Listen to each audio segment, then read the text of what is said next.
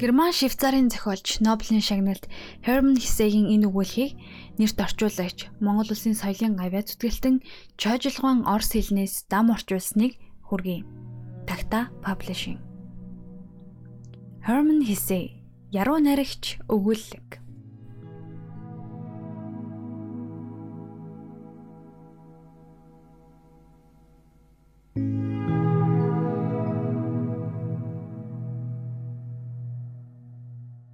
Өгүүлэх нь Хятадын яруу наригч Ханифу залуудаа шүлэг найраг урлахад өчөөхөн чадхвай хамаатай юм бүхнийг сурцуудлах. Авяас бэлгийн хурцлан боловсруулах үзүүр нэгэн сэтгэлтэй хүн байсан гэлцэн. Ханифу тэр цагт шар мөрний хөвөөнөө төрсөн нутагтаа суудаг байсан агаад өөрийн дур хүсэл илбэрэлт эцэгхийнхээ тус сайн төрөлт айлын нэгэн бүсгүйлэгээ ураг барилдахаар сүй тавиад нин удлгүй үлзийтэй сайн өдөр хурмаа хийхээр завдан байж. Ханифу тэр үед 20 настай зүс царай цэвэр зан авир ээлдэг найртай төлөв даруухан залуу бөгөөд зүйл бүрийн эрдэм ухаанд баггүй боловсрч хэдийгээр нас залууч нилээд хитэн сайхан шүлэг нарыг зохиосноор нутаг усныхаа уран яруу хилтний дунд хэдийн нэрд гарсан байлаа. Ханифу өөрөө төдийл баян биш гэсэн юмар дутна гэж айх зөвлөвийн дээр сүт бүсгүйн царай зүс үзэсгэлэн гоо ааш зан шудраг журамтайгаас гадна баян айлын охин учир Ханифугийн тэгш жаргалд дутах юм үгүй шиг байлаа. Хэдий тийм боловч түүний сэтгэл дундуур байсны учир нь юу гэвэл төгс төгөлдөр яруу наригч болох халуун хүсэлт хамаг зүрх сэтгэл нь автсан байлаа. Тийнхүү нэгэн орой их мөрний хөвөөнөө Дэнлүүгийн баяр болж байх үе залуу ир ганцаараа голын наа төвөөгөр сэлгүүцэн явж байж.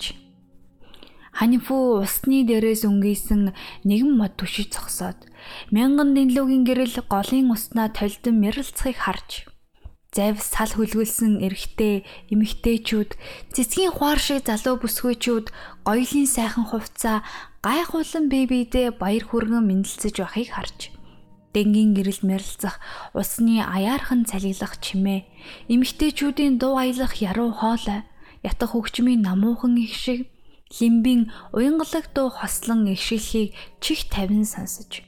Энэ бүхний дээрээс сүмийн бөмбөр орой мэт хөхөмдөг тэнгэр нүмерснийг харж байлаа. Залуу ир хөөрсөн сэтгэлдээ хөтлөгдөн энэ бүх гоо үзэсгэлэнт дүр зургийг нүд баясан харж байхдаа зүрх нь өөрийн ирэхгүй булиглаад ирж. Тэгээд сүйд хүүхэн найс нөхдийнхөө дэргэд очиж хамт цингэн баясах хүсэл хичнээн их байвч Энэ бүхний нарийн өнгөйсийг өөрийн сэтгэл зүрхэнд нэг нэгэнгүй шингээж дараа нь энэ шүний хөх тэнгэр мөрний уснаа толтон мэрэлзах дэнгийн гэрэлэнд цугласан олны баяр баясгаланг төгс төгөлдөр шүлэг найрагтаа толдох мэт тусган харуулгасан. Мөрний хөвөөнд мод түшиж зогсоод энэ бүхнийг дуугүй ажиглан буй хүний сэтгэлийн уярлыг дүрслэн үзүүлэхсэн гэж үүнээс бүр илүү инсэн хүсэж байлаа. Ханьфу энэ дэлхийн хаана хичнээн хөгжил баясгалангийн баяр наадан боллооч хизээч сэтгэл тэнүүн дотор уужин байж чадахгүйгээ мэдэрч амьдралын гүн дунд ямагт ойр ганцаар хүнлэнгийн үзэгч болж үлднэ гэдгийг ухаарч олон хүний дотроос онц өөрийнх нь сэтгэл оюун л энэ хорвоогийн үзэсгэлэн сайхныг соргог мэдрэхийн сацуу хайр газрын хар илэгтэн мэт зайлан одох нууц үсэл давтах чадaltaйг мэдэрчээ. Үүнийг мэдрээд цээшний дотор гуниг төрж энэ бүхний учрыг эргцүүлэн бодов. Эргцүүлэн бодсоор Ханифу өөрөө гагцхүү хизээ нэгэн цагт ертөнцийн байдал төрхийг шүлэг найрагтаа толдох мэт тусган үзүүлж тийхүү түүний найраг толдсон ертөнцийн байдал төрх өөрөө ариусан мөнхчөөд өөрийнх нь өв болох тийм хов ерөөл байдаг бол сая сэтгэл бүрэн ханаж цэнгэлийн манлайг олж чадах юм байна гэж дүгнжээ. Ханифу тийхүү сэрүүн байгаа зүудлэж байгаа алин болохыг сайтар ялгаж чадахгүй бодлогошрон байтал. Гинэд аяархан сүрчгний чимээ сонсдож модны дэргэд үл таних хүн зогсож байхыг олж үзв. Тэр бол хүүх ягаан хувцастай үзвээс хүндтгэл захих өвгөн байлаа. Ханифу түүний дэргэд очиж буянтай буурлах хэрхэн хүндэтгэх ёстой тэр ёсоор хүндэтгэж мэхийн асалсанд тэр харин хүн инээмсэглэн хідэн бадаг шүлэг унсан нь залуу өрийн саяхан сэрэн сэтгэж байсан бүхнийг агуу их найрагчдын шүлэг холбох дүрм журмын дагуу туйлын төгс төгөлдөр уянгал яруу илэрхийлсэн байлаа. Залуу өрийн зүрх догтлон гайхан биширч орхиод дор мөхийн асалж. Хаяа та хэн бэ? Миний зээжний доторхыг нэвт харж, эрхэм багш нараасаа сонсноос мэд хавьгүй ярав сайхан шүлэг уншиж байгаа. Та хэн бэ гэж уулаг алдан асуув. Харин хүний царай төгс баясгалангийн нэмсэглэл туяарч. Хэрв чи яруу найрагч болё гэж бодож байгаа бол манад оч баруун хойд зүгийн өндөр улсын дунд их мөрний их авсан газар миний муу овоохоо байгаа. Намайг утга төгсөгийн уран дархан гэдэг гэжээ. Өвгөн ингэж хэлчихэд модны сүдэрт орж тэр даруй алга болов. Ханифу тэр өвгөнийг энд тэндгүй ирсэн боловч уул мөргүй алга болсон байхад нь алжаа чадарсны улмаас зүүдэнд үзэгдсэн хий үзэгдэл юм баха гэж бодлоо. Ханифу олон завь тийш шалавхан очиж баяр наадамд оролцсон боловч олонний ярьж хөөрөлдөх лимбийн ишиглэх дуун дундаас нөгөө харь хүний учир битүүлэг дуу чихмэнд нь сонсдох мэт болж. Түүний хойноос үнсэн дагаад явчихсан юм шиг хий гүйрэн халуун янгийн хайранда хүлчүүр мансуурчээ химэн тоглоом давхуу хийж буй хөөжөлтэй ан нөхдийнхөө дунд сэтгэл нь мөрөөдлийн мандун хөвсөлдсөн байлаа. Хэд хоногийн дараа Ханифугийн эцэг нь сайн нөхөд садан төрлийнхнээ цуглуулan бэр буулах өдрийг товлох гэтэл хүүн үүнийг эсэргүүцэж Хэрв би эцэг хөвгүүний илбэрэл журмыг эвдэн таны үгнээ санамсаргүй зүрх гэж байгаа л намайг уучлаарай. Яруу найргийн эрдэмд боловсрох гэж хичнээн их хүсэн ирэмлэлтийг минь та мэдхүлээ.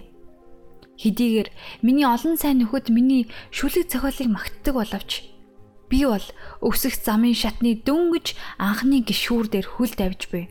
Одоо л эхэлж байгаа шүлэгч гэдгийг сайн мэдж байна.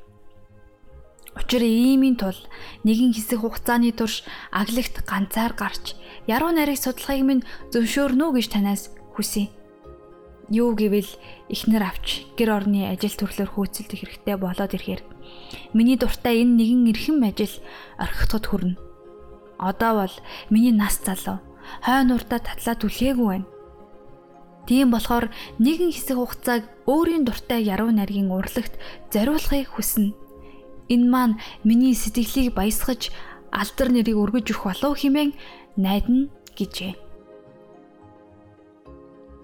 Хүүгийнхээ нүгийг эцгэн сонсоод баахан гайхаж. Хэрв чи яруу найргийн төлөө хурим найраа хойшлуулъя гэж байгаа бол Энэ урлагт юунаас ч илүү хайртай юм шивтэй. Эсвэл чи болзоод бүсгүүтэйгээ ам урээсийн явдал байна уу? Тийм бол надад хэл. Би чамд туслаж та хоёрыг эвлэрүүлэх юм уу? Эсвэл өөр ихнэр олж өгье гэжээ. Гэвч хүүн болзоод бүсгүүдээ урдныхаас дутуугүй хайртай хийвэр тэдний хооронд өчүүхэн ч хэрүүл маргаан болоогүй хэмээн андгаалаад мөн тэр даруй Динлүүгийн баярын орой зүүд нойрын дунд Эрдэнтэн багшаа болсныг ярьж тэр хүний шав болохыг энэ дэлхийн юунаас ч илүү хүсэн түүний шав болохыг жаргалын дээд химэн үзэж байна гэж хэлжээ. Тэгээд эцэг нь за яах вэ? Чамд нэг жилийн хугацаа өгье. Энэ хугацаанд чи зүүд зөнгөө дагаж болно.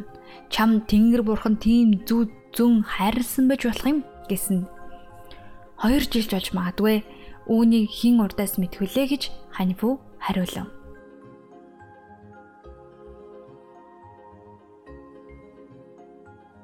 Тэгээд хэдийгээр эцгийн сэтгэл төвшүүртэй байсан боловч хүүгээ 50 явуулж залуу ир болзоод хүүхэндээ уучлалт гуйсан загтал бичээд алсын аян замд морджээ.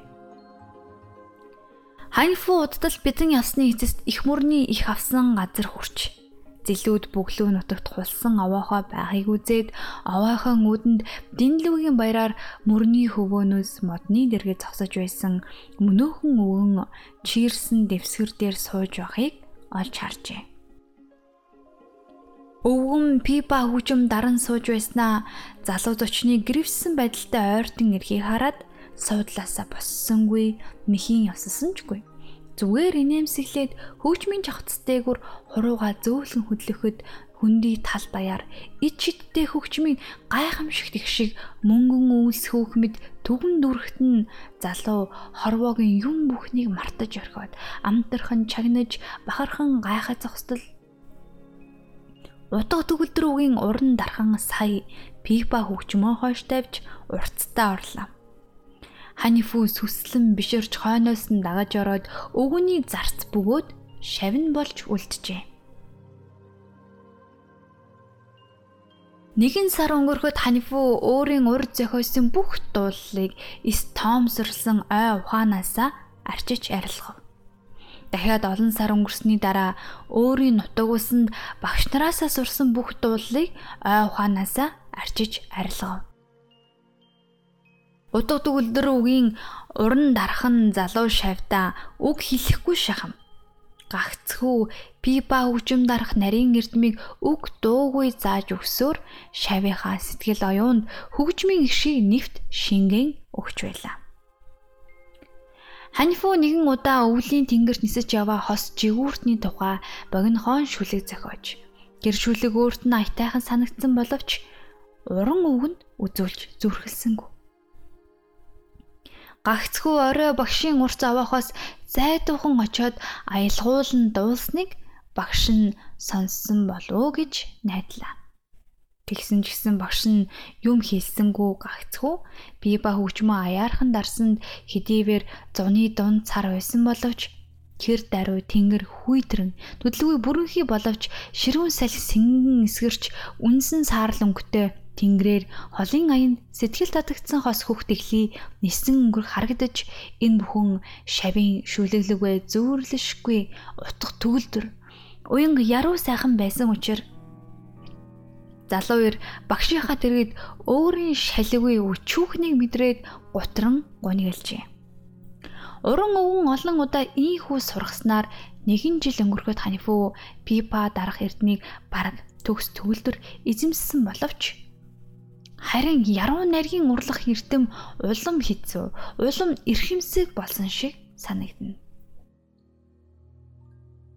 Хоёр жил өнгөрсний дараа залуу ир их нутаг элгэн садан сүйт хүүхнээ ихэд санан ихэд уйтгарлах болж удаа төгөлдрүүгийн уран дархан өгнөөс аян замд гарах зөвшөөрөл ирсэнд өвгөн инээмсэглэн толгой дохиж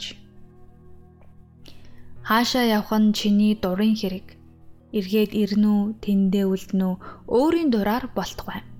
Өөрийн таллаар бол гэжээ. Тэгээд шавн алсын аян замд орж зуур амсхилгүй бэдэн явсаар нэгэн удаа үүр шүний бүрэнхийгэр төрсөн нутаг усандаа хүрч бүрний хөвөөнөөс гудан гүүрийн цаана буй төрлөх хотоо нүд баясан харлаа. Тэгээд эсхийнхээ цэцэрлэг сэмхэн гитэн орж унтлахын өрөөнийхөө цонхоор унтаж буй эцгийнхээ амьсгаа чагнаад дараа нь сүт хүүхнийхээ байшингийн дэргэдэх үр жимсний цэцэрлэгт нэвтрэн ороод лирийн модны оройд авран гарч харвас сүт хүүхэн нь өрөөндөө үсээ самнан зогсож байлаа. Тэгээд Ханифу өөрийн нүдээр үдсэн бүхнийг гэр орноо санан уйдгарлаж байх цагт сэтгэлдээ дүрслэн төсөөлж байсан зургтай зөөрлөж үзээд яруу найрагч байх хувь тавилантайгаа ухаан мэдээч бодит амьдралаас ирээд ирээд үл олдох тийм үтгслэнгоо яруу сайхан зүйл яруу найрагчийн зүв зөнд оршин амьдрдгийг ухаарч ойлгожээ. Тэгээ танифу модны орой дээрээс бууж цэцэрлэгээс зүхтан гүйж гараад гүүрээр өнгөрөх төрлөх хотоо орхин одож уулсын дундах тэгш өнөрлөгт хүрлээ.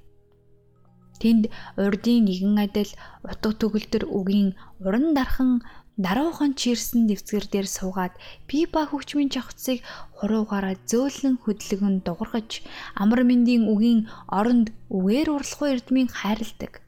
Ад жаргалын тухай хоёр шүлэг хайлан дуулахад тэр шүлгийн утга гүн их шиг ярууг сонсоод шавийн нүднээ нулимс мэлтэлцээд иржээ. Ханифу тийхүү дахиад л утга төгөлдөр үгийн уран дарахны дүлдэж Пипа хөгжим дард сурсныхаа дараа ятга хөгжим сурч өдөр сар өрний салхин туugдсан тасан ширхэг мэт улиран өнгөрсөр байлаа. Тэгж байтал дахиад л их нутаг гэр орноо санан уйтгарлах болов.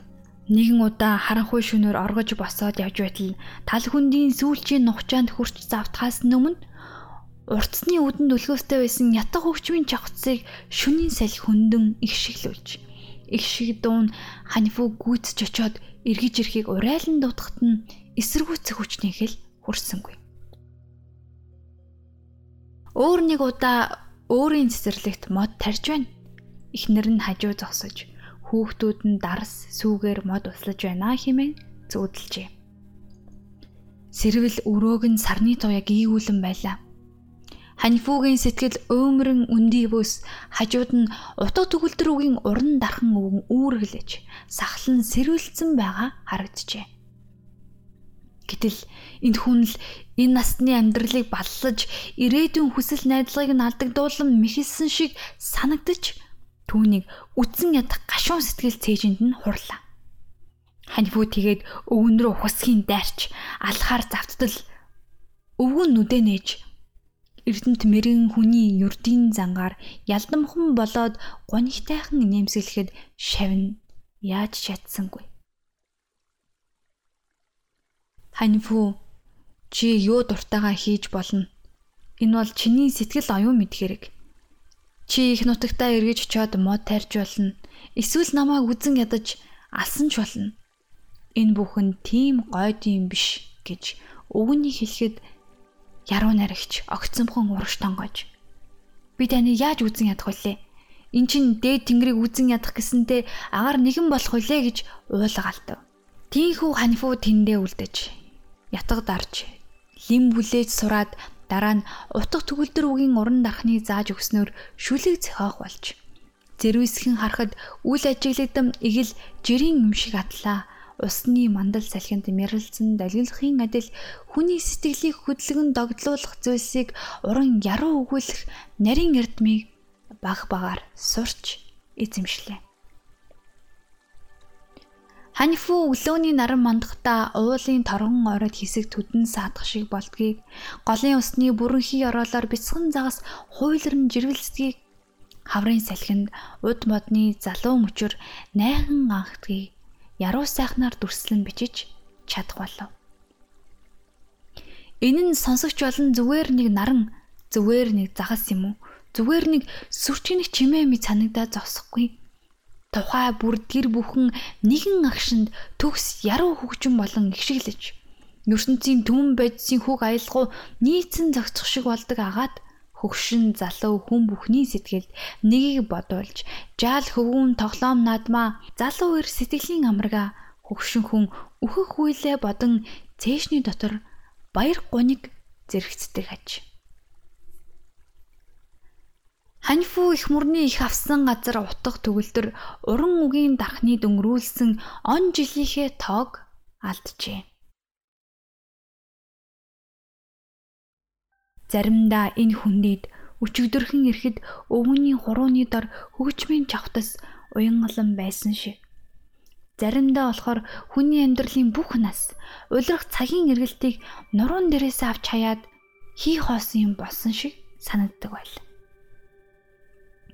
Ханифу нэгэн өглөөс ирээд өвгөн багш нь урттай байхгүй. Өөрийг нь ганцаар байгааг мэдэж Утга төгөлдөр үгийн уран дарахныг хичнээн ирж, хичнээн дуудавч олдсонгүй. Эрдэнэт мэрэгэн өвгөн алга болсон байлаа. Намар болох яагачгүй байтал ганцхан шөнийн дотор намар болоо юу химээлтэй уулсын дээгүүр нүүдлийн шууд зиллэн ганганаж байлаа. Тэгтэн ханифу жижиг кемпи ба хөгжмөө аваад их нутгийнхаа тал хөндийг зорив Нутагтаа очиход зам гудас дайралтсан хүн бүхэн түүнийг буянтай буурлын ёсоор хүндэтгэн залгаж мэхэлцэн ёслож байл. Өөрийн өсөж төрсөн хотод ирэхэд эцэг нь сүйд хүүхэн нь ойр дотных нь бүгдээрээ насан эцэслэж тэдний орон байшинд өөр танихгүй хүмүүс суух болсон байж. Нэгэн орой их мөрний хөвөөнд Дэнлүүгийн баяр болж яруу наригч ханьфу мөрний нөгөө талын харанхуй хөвөөнд 100 наст мод түшин зогсоод жижигхэн пипа хөгжмөр тоглов. Тэгэхт нь эмгтээчүүд цээшний дотор баяр багтал гониг төвшүүр зэрэгцсэн нүдээ тэр зүгт чиглүүлэн шүүр салтаж. Залуу өрчүүд пипа хөгжим тоглож байгаа хүнийг дуутан дуудан ирээд ирээд олсонгүй. Тэдний хинэнч пипа хөгжмийн ийм уянгалаг сайхан ихшилхийг урд өмнө сонсоогүй байж. Ханьфу инээмсэглэн мянган дингийн гэрэл толдон ярилцах мөрний усыг харж зогслоо.